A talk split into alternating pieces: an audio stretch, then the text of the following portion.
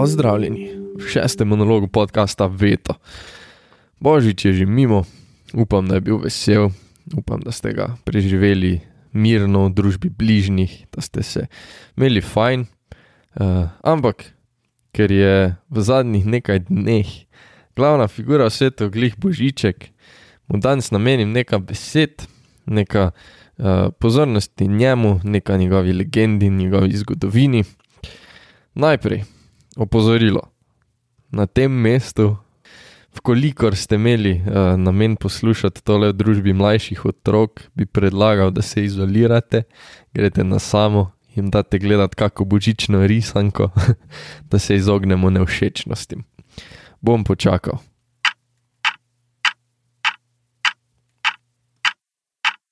Torej, Božiček je legenda, legenda o Božiču. Uh, to pa vse ne pomeni, da nima izvora, ne? to ne pomeni, da uh, božiča ni bilo, pol je pa kar naenkrat bil. Uh, skozi stoletja se je uh, ta legenda oblikovala, na koncu se je tudi precej preoblikovala uh, in pa neki vmes sprejela tisto magičnost, pa praznično vzdušje. Um, zdaj jaz vem, tudi ko sem jaz iskal, pa malo Google to ne, sem ugotovil, da je ogromno legend pa pripovedk o tem, kako je pač Božič nastal. Uh, moj vir sta spletna stran od History Channela, pa spletna stran Britanika, ne, zdi da se mi kar kredibilni, ampak če se vam kaj zlažem, se na njih obrnite, not my fault, ampak. Kot lahko vidite, že na tem mestu sem se izjemno potrudil. to je level full uh, educational danes. Um, torej, zdaj, vsi vemo, kako božiček izgleda, ne? vsi vemo, kaj dela božiček. Ampak v bistvu njegova zgodba se začne uh, v človeku, ki se je rodil že v tretjem stoletju, v um, resnični osebi, v svetem Nikolaju. Um, ta je s časom postal zaščitnik otrok, pa mornarjev. Za mornarje me ne vprašati, zakaj blage nimam. Uh, naj bi se rodil na področju današnje Turčije, je pa ful hitro dobil sloveze za pač to uh, prijaznost, pa tudi v bistvu neko neomajno vero. No. Um, je potoval, se šetal po svetu in pač pomagal ljudem. Zdaj za njegov dan, torej dan svetega Nikolaja, velja 6. december, torej Miklauš. Kar je zanimivo, pa v bistvu lahko na tem mestu pol govorimo, da pa trdimo tudi, no, že skoraj verjetno, da je sveti Nikolaj bolj Miklauško božiček. No. Um, je bil pa majster do renesanse, že najpopularnejši svetnik v Evropi. E, za njih je to bilo to, kar je danes za nas derok. e, ampak najbolj so ga obrajali nizozemci, e, zdaj itak so iz te ravninske državice, ne, so tudi romali čez Lužo v New Amsterdam. Uh, to je mesto, ki ga danes bolj poznamo pod imenom New York. Um, pa jaz tudi, v bistvu, mislim, danes, ko sem to gledal, pa je fully velikrat bil New York umenjen. Ne?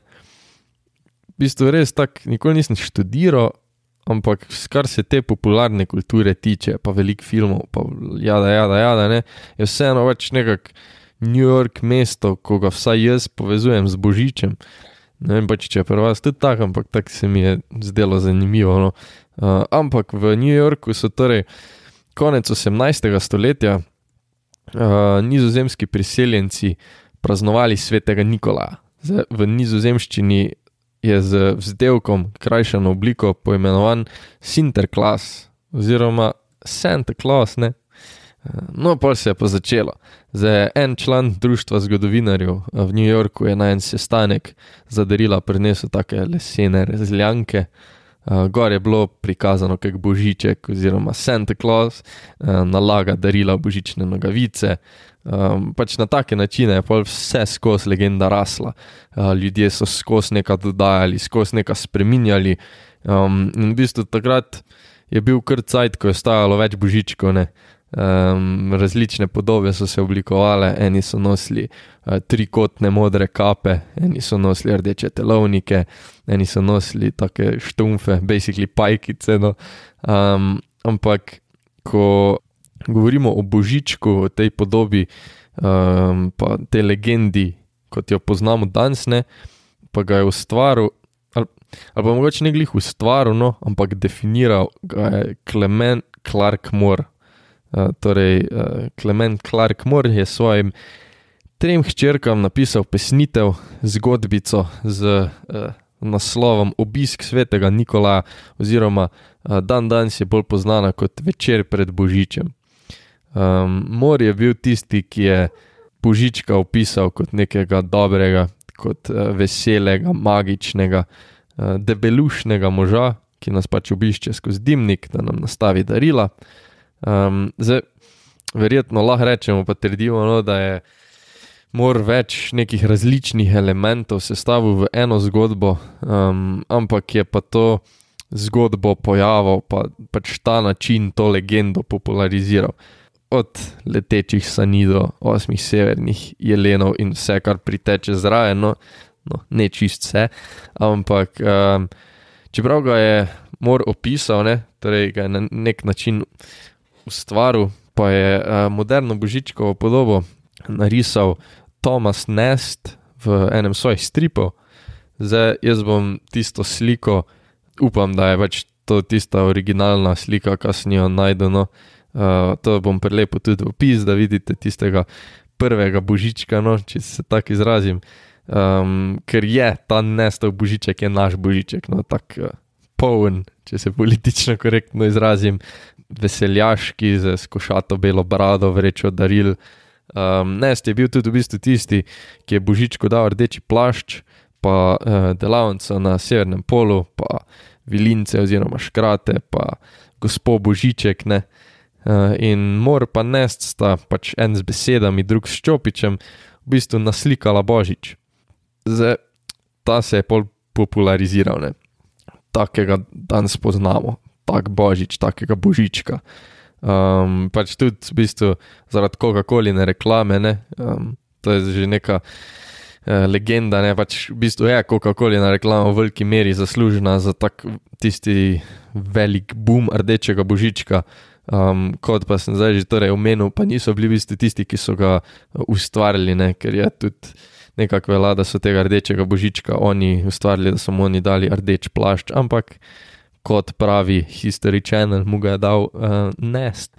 Zdaj, to pa vse ni edina verzija, ki je pač obstajala. Um, ta božiček se je izločil kot zmagovalec, ta božiček je obstal, jaz verjamem, da imajo kje druge, še vedno tiste druge. Uh, ampak pač v 18. stoletju so poznali res ogromno podobnih likov.